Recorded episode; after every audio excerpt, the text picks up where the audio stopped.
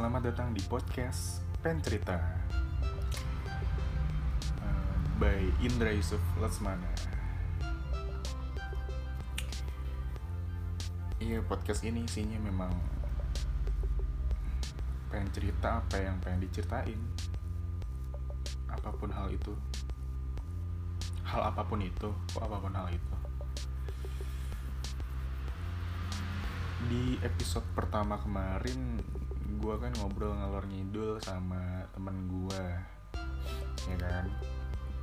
Emang emang apa ya? Emang gue nggak bikin yang terkonsep banget sih. Kayak ya udah gue lagi pengen bikin ya bikin gitu. Kalau enggak ya enggak.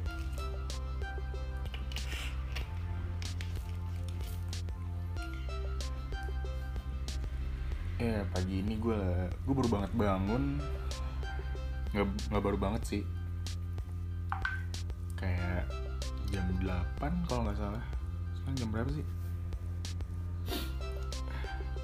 Jam 8 gue bangun. Tradisi gue dari SMP itu kalau bangun tidur otomatis gue panggilannya kamar mandi. Toilet. Pasti banget. Karena waktu itu kenapa gue membiasakan itu karena dulunya gue di SMP gue karena karena toilet SMP gue kotor jadi gue nggak pengen ketika gue sakit perut di sekolah gue harus harus BAB di sekolah gitu karena jorok banget. Dari situlah gue membiasakan untuk tiap bangun tidur pasti ke kamar mandi dulu gitu. Ke bawah sampai sekarang tapi ada ada positifnya juga loh. Jadi lu BAB lu lancar setidaknya gitu loh. Pasti setiap pagi lu pasti BAB kan. Kalau udah membiasakan gitu.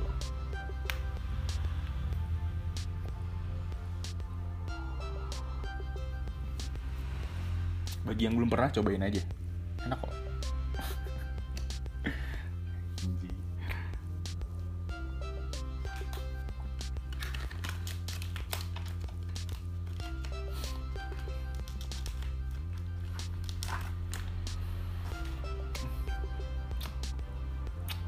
enggak lah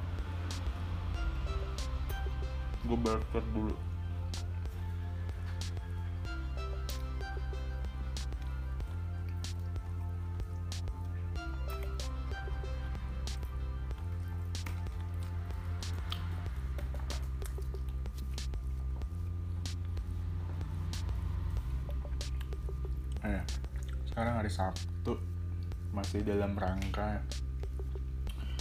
cuti bersama dan libur panjang lah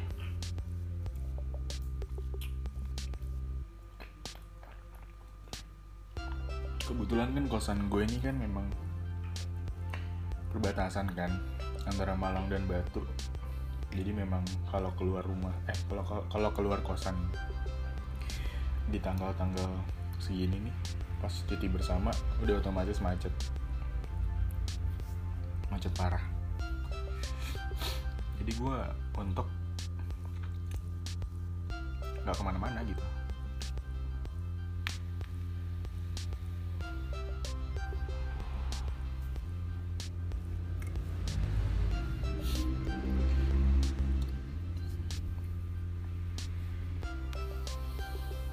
Pandemi ini belum kelar-kelar ya.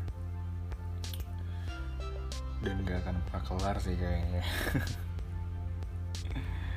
dari awal bulan Maret. Eh awal bulan Maret apa akhir Februari ya, ya sekitaran segitulah ya. Sampai bulan sekarang udah bulan Oktober akhir. Udah berapa bulan tuh? Maret. Maret, April, Mei, Juni, Juli, Agustus, September, Oktober. 8 bulan pandemi ini berjalan.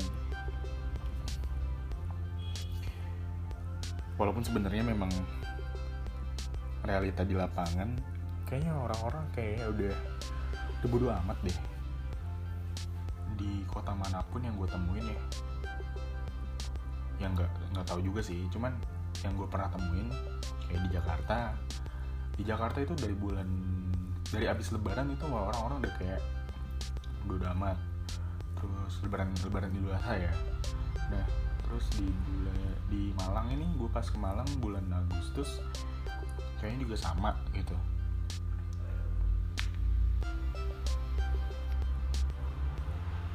Emang tradisi apa ya tradisi orang-orang kita nih emang udah dibiasakan dengan hal-hal yang ya bukan wajar sih. Kebiasaan yang jelek menjadi hal wajar gitu jadi apalagi apalagi cuman kayak protokol kesehatan dan sebagainya gitu. Orang nggak pakai helm aja udah dibuat wajar gitu di jalanan. Apalagi cuman suruh pakai masker jaga jarak. Apalagi kayak gitu kan gitu kan. Cuman memang ya gimana ya susah sih. Pemerintah berusaha untuk membuat kebijakan seperti apa pun ya kalau masyarakatnya bebel ya bebel aja gitu.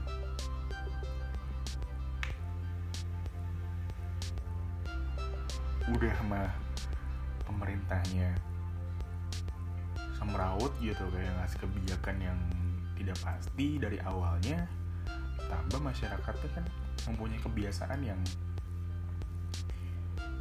yang bebel gitu. Ya klop banget udah. Cocok banget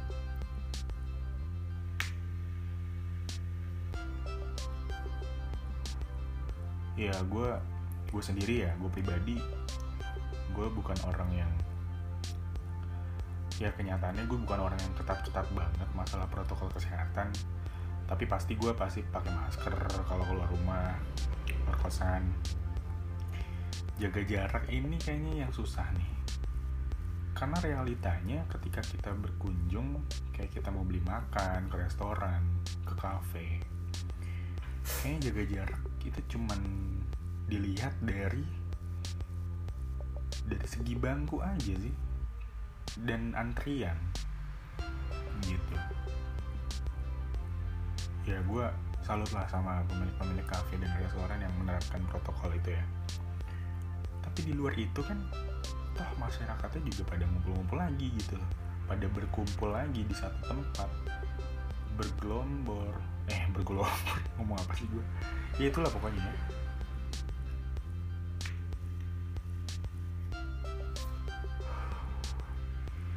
jadi ya ini gue ngomongin realita ya emang begitu gitu.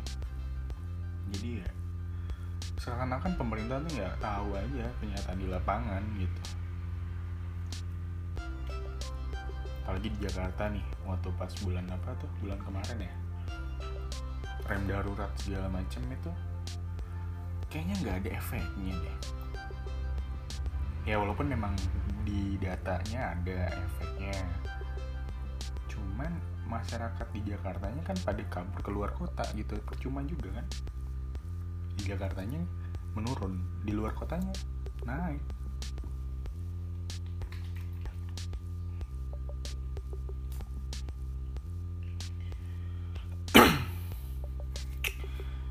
nggak ada habisnya sih capek gue juga ngomong ini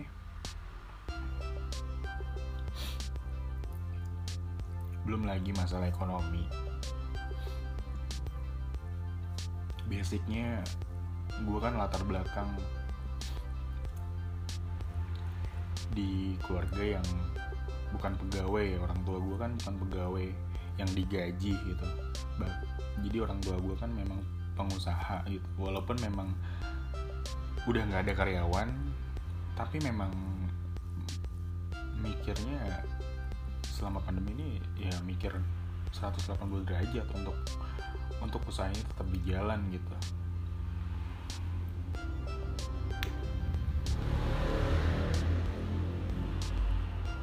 Gue ngerasain sih karena gue juga ikut bantu ikut kontribusi gimana biar gimana caranya usaha bokap gue ini tetap jalan gitu ya. Yeah. gue ikut prihatin sih. Oh iya apalagi kemarin. Kemarin belakangan ini kan baru baru aja ada demo besar-besaran. Sampai sekarang pun masih terjadi gitu. Itu tuh pu itu juga itu juga membuat para pelaku usaha pelaku seni pasti emosi dan anjing gak adil banget sih itu itu demo boleh gue yang waktu itu pada saat itu pada saat awal pandemi restoran gak boleh buka. Nggak ada konser. Gue nggak bisa ngasilin duit. Sedangkan demo diperbolehkan dalam tanda kutip ya. Walaupun memang terjadi uh, di luar batas kayak terjadi keonaran dan sebagainya. Yang namanya demo yang ketika masyarakat udah udah mentok duit nggak ada pemerintah buat kebijakan seenaknya ya jatuhnya ya anarki gitu. Hukum alam juga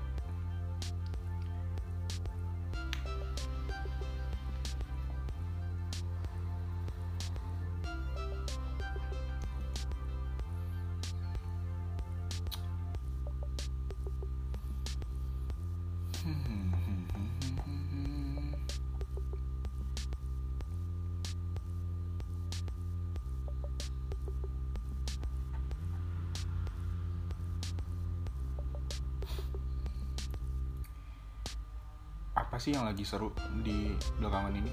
Selain yang tadi gue sebutin kayaknya nggak ada ya. Ya paling kontroversi kontroversi ya yang nggak usah gue bahas juga. Gue nggak mau bahas yang kayak gituan. Gue juga nggak resah dengan adanya berita-berita yang kayak gitu. Jadi nggak usah dibahas nggak penting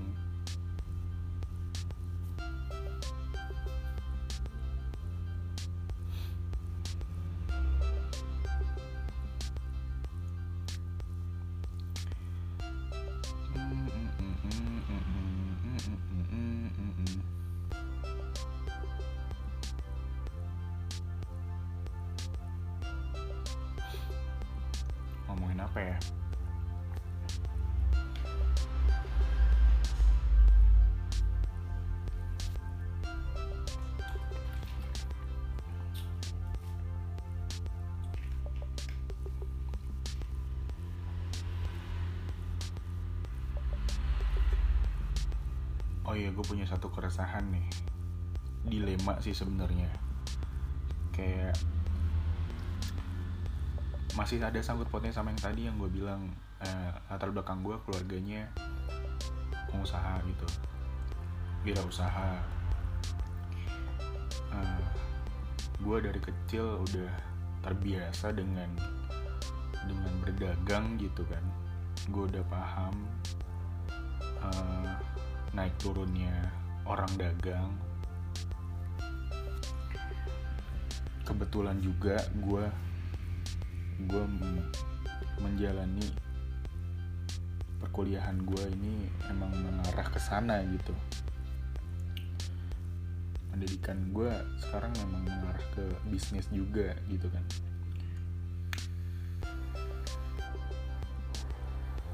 Tapi hal, satu hal yang membuat gue bete yang membuat gue dilema itu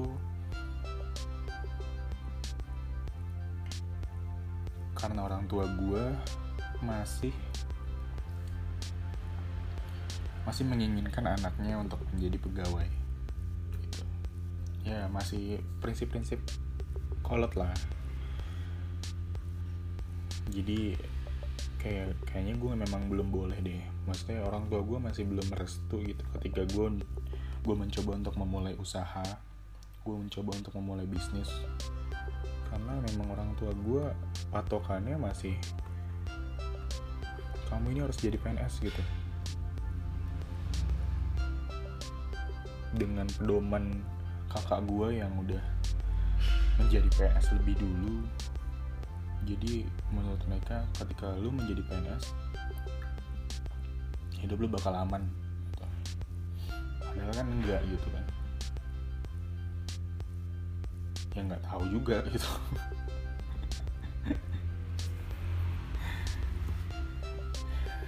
Gue nggak minat ke sana sebenarnya. Yang bikin gue dilema adalah gue harus memilih antara gue berpegang teguh prinsip gue pedoman hidup gue dan dan gue harus buktiin kepada mereka yaitu orang tua gue kalau gue nih pantas memilih apa yang gue pilih gitu. Atau gue nurut sama orang tua gue demi membahagiakan mereka tapi guanya nggak enjoy guanya guanya nggak merasa ini gue loh gitu itulah gue bingung di situ. Gue dari kecil memang udah dididik keras sama orang tua gue dididik udah keras terus kayak manjanya mereka mereka memanjakan gue dengan tidak memberikan tanggung jawab sejak kecil. Jadi apa jadi gue harus nurut apa yang dikatakan orang tua gue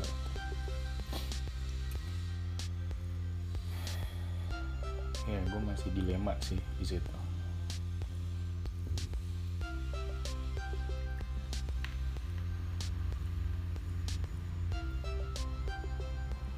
Dan dan bag, dan semestinya orang tua ya memang apa ya? Nah gue nggak mau sih gue nggak mau bahas orang tua karena karena gue pun sendiri belum belum menjadi orang tua kan. Tapi gue merasa sikap orang tua gue nih terlalu memandang gue nih belum dewasa gue nih belum gue nih masih anak kecil gitu. Selalu kayak gitu. Itu yang bikin gue bete. Padahal gue nggak begitu loh gitu padahal gue di luar ini gue pandangan gue akan hidup juga jauh jauh jauh dari apa yang mereka bayangkan gitu.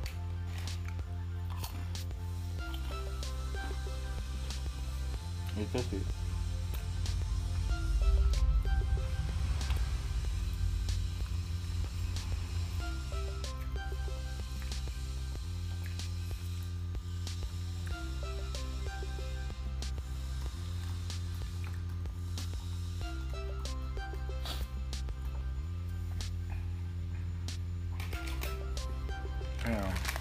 nikmatin aja sih jalanin aja. Nanti juga ketemu. Gue bukan orang yang ambisius juga sih. Maksud gue gue lebih ke orang yang berprinsip ngalir aja gitu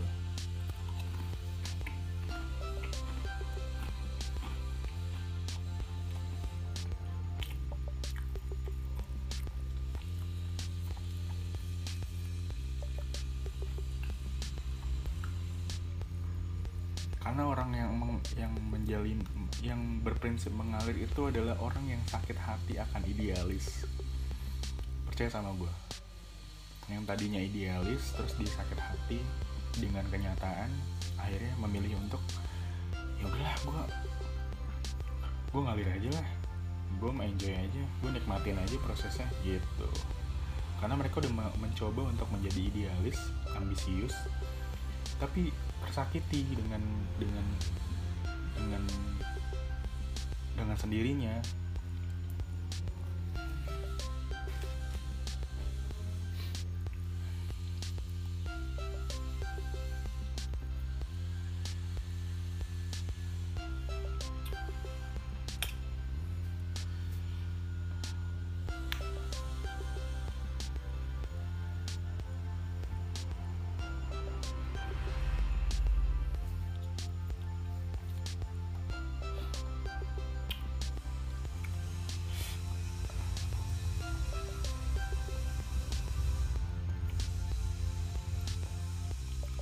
doanya juga untuk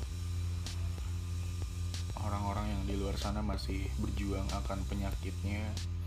Semoga diangkat penyakitnya disehatkan kembali. Mohon doanya ya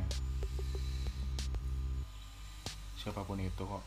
Gue nggak karena memang orang-orang yang gue sayang di sekeliling gue itu memang masih apa ya, lagi ada yang terbaring sakit gitu. Tapi ini gue mendoakan di mendoakan semua orang gitu. Yang anjing ngomong apa sih gue yang lagi berjuang akan penyakitnya gitu. Semoga diangkat kembali penyakitnya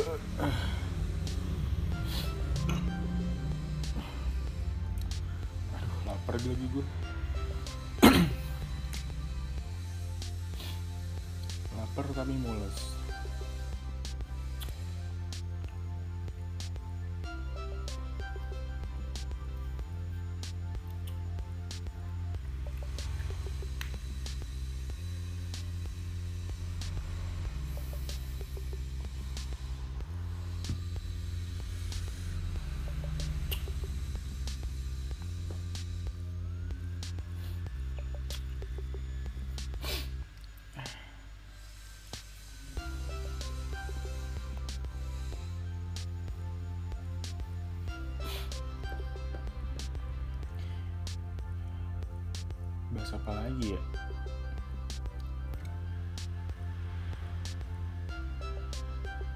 Hmm, hmm, hmm, gue lagi pengen ngobrol sih.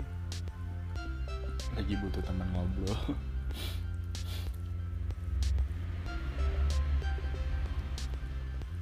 Cuman gak ada temen ya. Gimana dong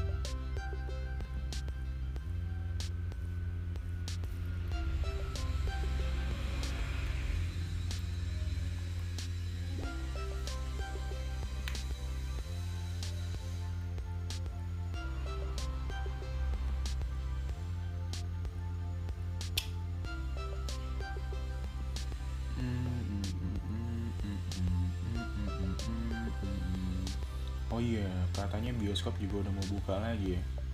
Tapi emang hanya beberapa kota sih. Tapi gue juga juga Herman gitu, heran.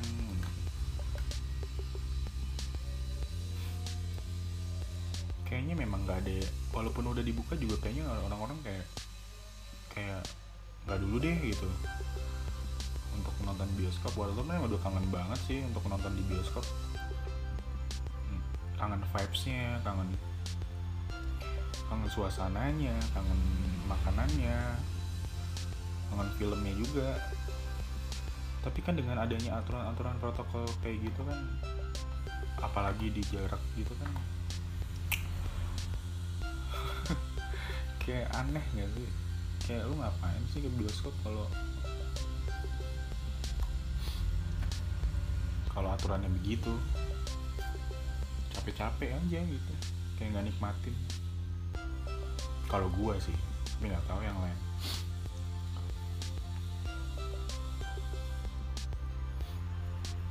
Apalagi apalagi untuk orang-orang yang berpasangan rindu dengan pacaran di bioskop kayaknya taruh dulu deh.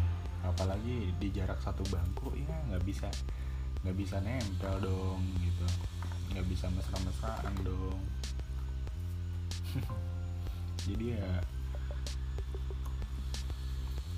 kayak percuma aja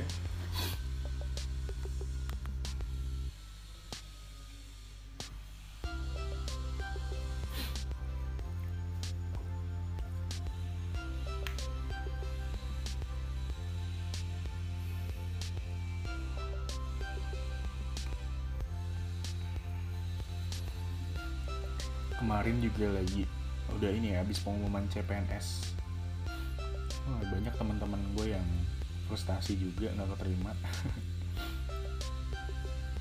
Ya gue hanya bisa mendoakan agar supaya mereka yang nggak yang belum lulus CPNS diberi ketabahan.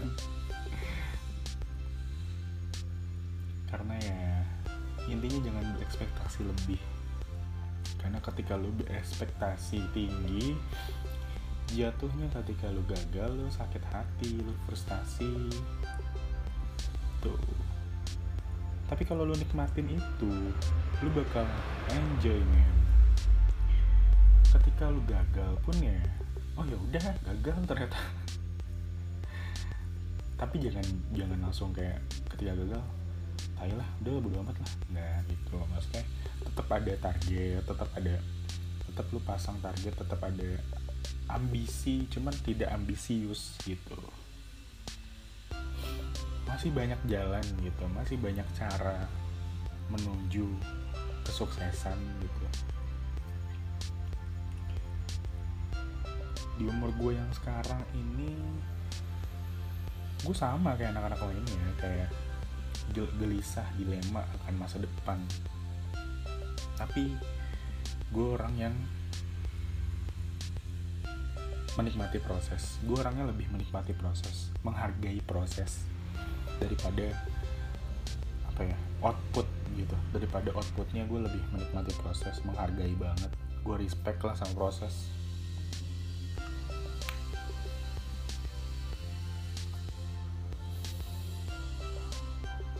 bagi gue pengalaman itu suatu hal yang berharga. Suatu hal yang gak semua orang miliki.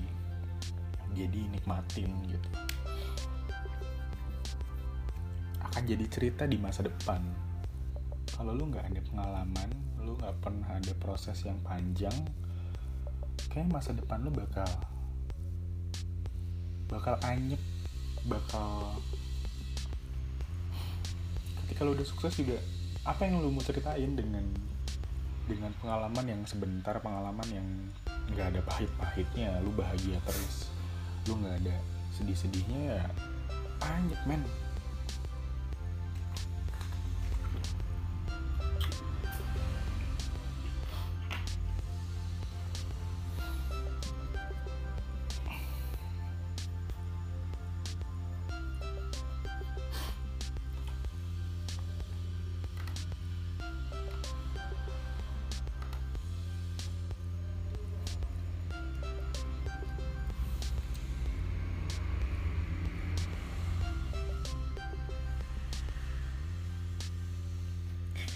bicara tentang masa depan. Sih bicara tentang masa depan. Masa depan gue aja belum jelas sih nggak ngomongin masa depan nih pasti ujung-ujungnya nikah eh kerja terus nikah. Terus habis nikah punya anak terus habis punya anak membesarkan anak terus punya cucu meninggal. Itu kan proses kehidupan. Jadi ya nikmatin bro. Nikmatin.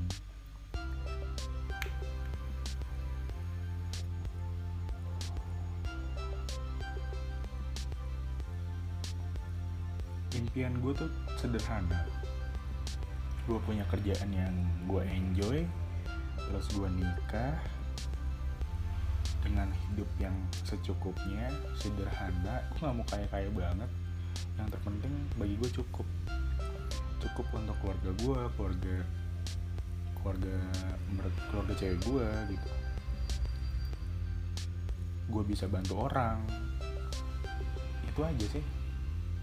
Terus gue bisa membesarkan anak gue dengan waktu yang tercukupi. Gue nggak pengen kayak gue ketika jadi orang tua nih gue jarang ketemu anak tuh gue nggak pengen. Gue nggak ketemu istri gue jarang. Misalkan gue nggak pengen gue pengen yang waktu untuk keluarga gue tuh ada. Gitu. Karena gue dibesarkan dari keluarga yang setiap hari ketemu juga. Karena kan namanya usaha kan bukan kayak pegawai kan. Dari pergi pagi pulang pulang malam ketemunya hanya weekend misalkan. Ketemunya pas sabtu minggu. Itu gue nggak pengen. Gue pengennya hidup yang sederhana tercukupi waktu kualitas waktu dalam keluarga tuh ada gitu. Itu aja deh.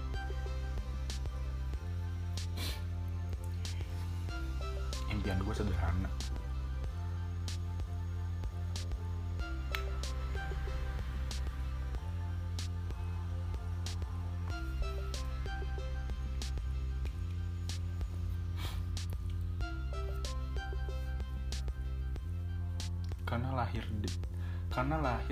dibesarkan oleh keluarga yang uh, dari awalnya udah sederhana. Dan basicnya memang keluarga gue lahir gue gue lahir dari keluarga yang kurang sebenarnya. Jadi orang tua gue ini kan merantau gitu kan. Orang gue ngerantau orang tua gue ngerantau dari dari Jawa Barat dari, dari orang pedalaman ngerantau ke Jakarta yang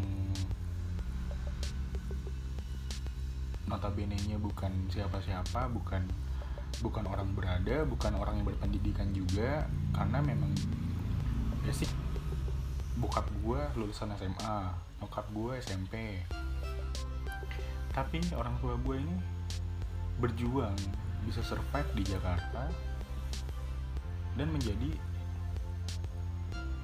ya, hidupnya tuh tercukupi gitu alhamdulillahnya. Jadi privilege gitu.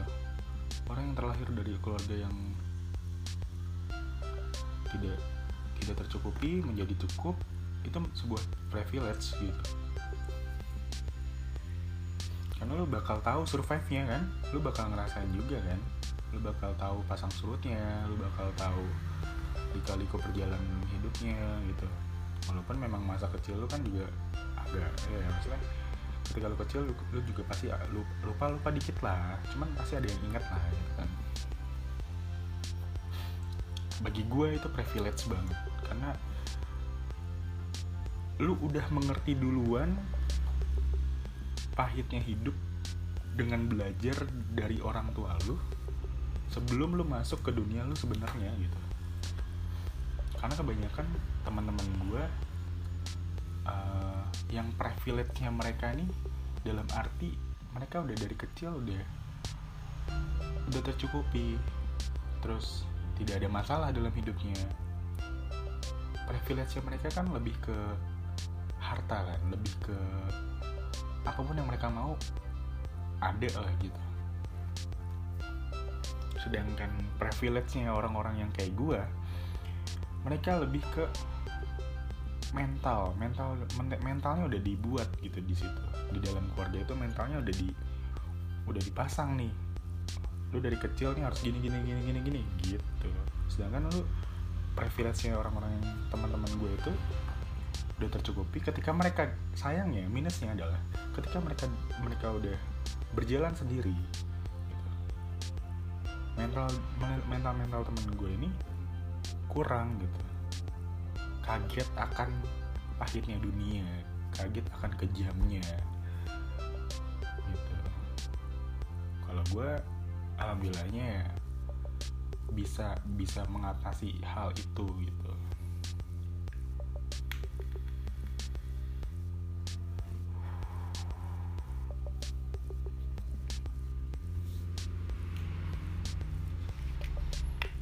Dan gue gue sangat respect dengan orang-orang yang terlahir dari keluarga yang kurang terus ditambah lagi keluarga broken jadi orang tuanya pisah.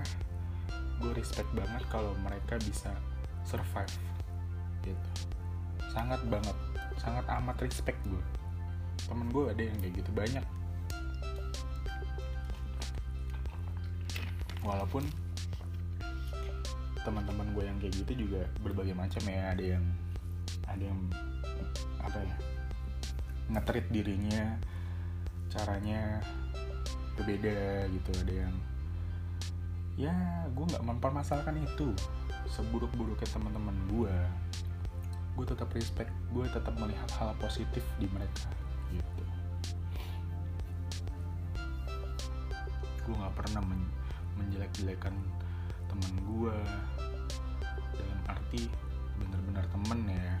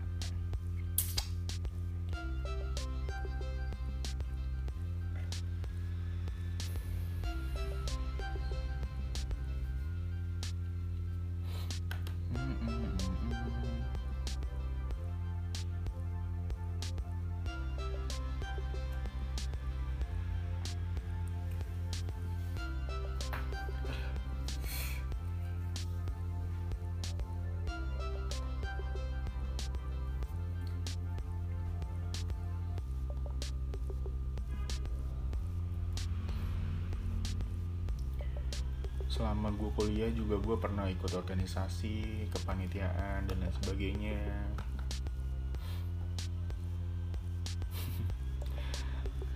Tapi ya kayaknya bukan ranah gue di organisasi gitu. Gue nggak bisa men.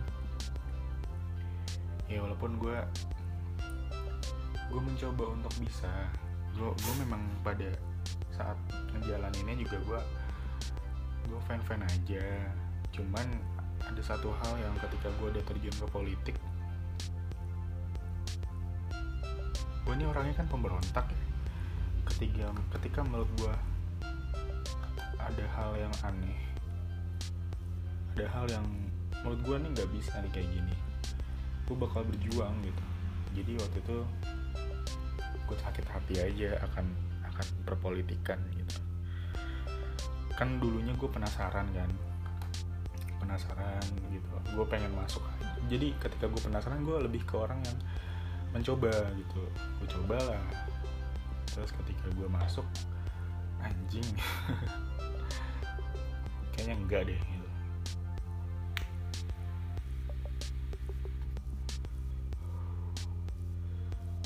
banyak yang munafik. Banyak yang ambisius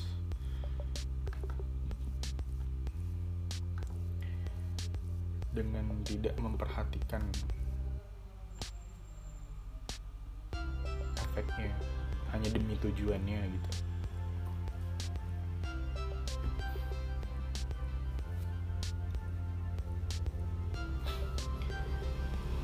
Kalau kepanitiaan kepanitiaan kepanitiaan gitu gue masih respect lah. Tapi kalau udah organisasi kaderisasi dan sebagainya itu menurut gue hal yang paling sulit untuk gue tetap menjalani itu. Gue lebih orangnya lebih kayak enak begini gitu enak di tongkrongan enak enak yang saling respect saling saling menghargai saling tidak ada yang ditutup-tutupi tidak ada yang bermuka dua gitu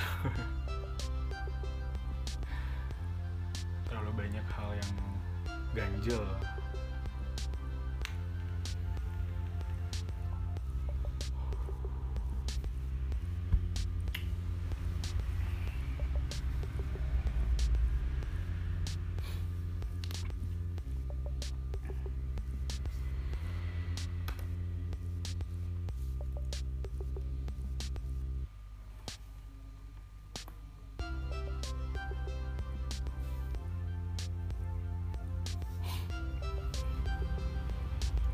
semakin dewasa semakin ke sini kayaknya memang circle pertemanan tuh semakin sempit ya. Masih banyak sih yang seumuran gue yang ngerasain.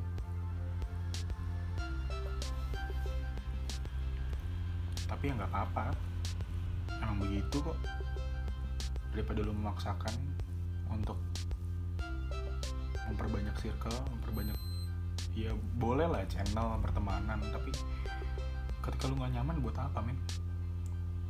Ketika lu nggak respect dengan orang itu dan orang itu juga nggak respect sama kita kayaknya buat apa gitu loh. Buat apa sih lu temenan? Ya udah sebagai sebagai apa ya? Hanya hanya hanya sebatas kenal aja hanya sebatas oh iya lu lu kok gue kenal lu kok lu kenal gue gitu kalau yang benar-benar temen kan nggak gitu kan.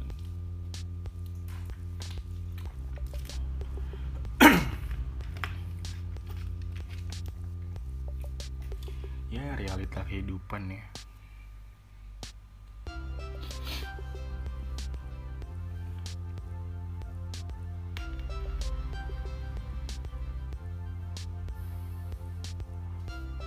Dan gue pun nggak nggak ini sih nggak nggak bukan orang yang ketika lo bukan temen gue gue nggak respect gitu.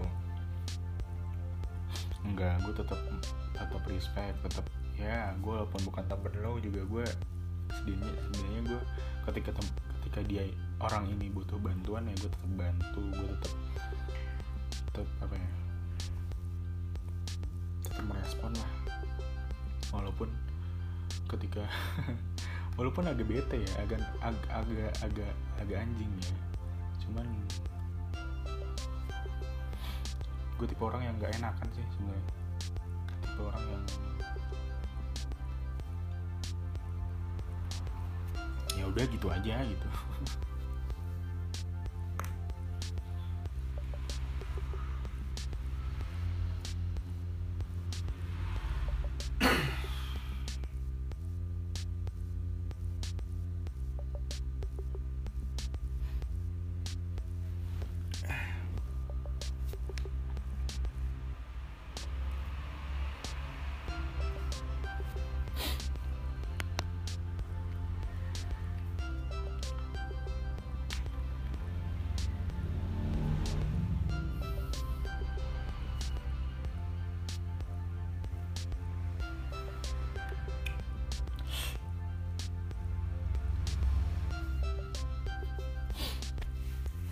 lapar gue nih.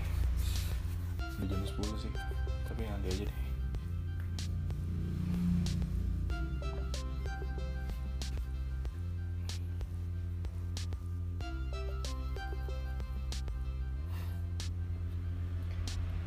Oh ya buat teman-teman yang pengen gabung di pen cerita ini silahkan email ke gue aja atau DM Instagram. Ya kita di sini hanya hanya kalau yang belum kenal bisa saling kenal kalau belum belum pak belum belum tahu dan pengen kenal lebih jauh bisa lewat DM atau email atau bisa berbagi pengalaman berbagi cerita. Apa pun apa pun itu nggak jelas juga nggak apa-apa nggak penting juga nggak apa-apa. Seti- setidaknya kalau lo orang uh, respect gue tetap respect eh gue akan lebih respect ketika lo respect gitu. Gitu aja gue mah. Gue mah santai orangnya.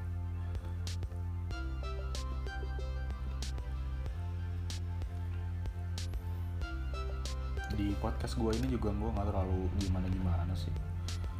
Ya ini podcast gue kan cuma pengen cerita aja. Apa yang di benak gue gue pengen keluarin aja gitu. Gue gak ada tujuan apa-apa gue cuma pengen cerita aja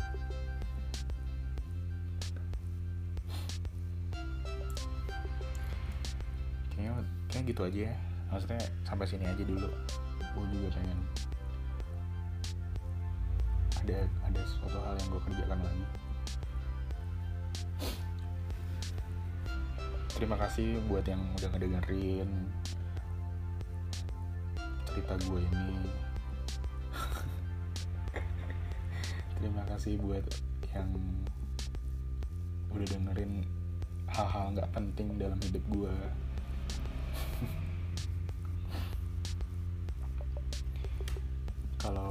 lo orang suka. Alhamdulillah kalau nggak suka ya nggak apa-apa. Gitu aja. Sampai ketemu di episode selanjutnya.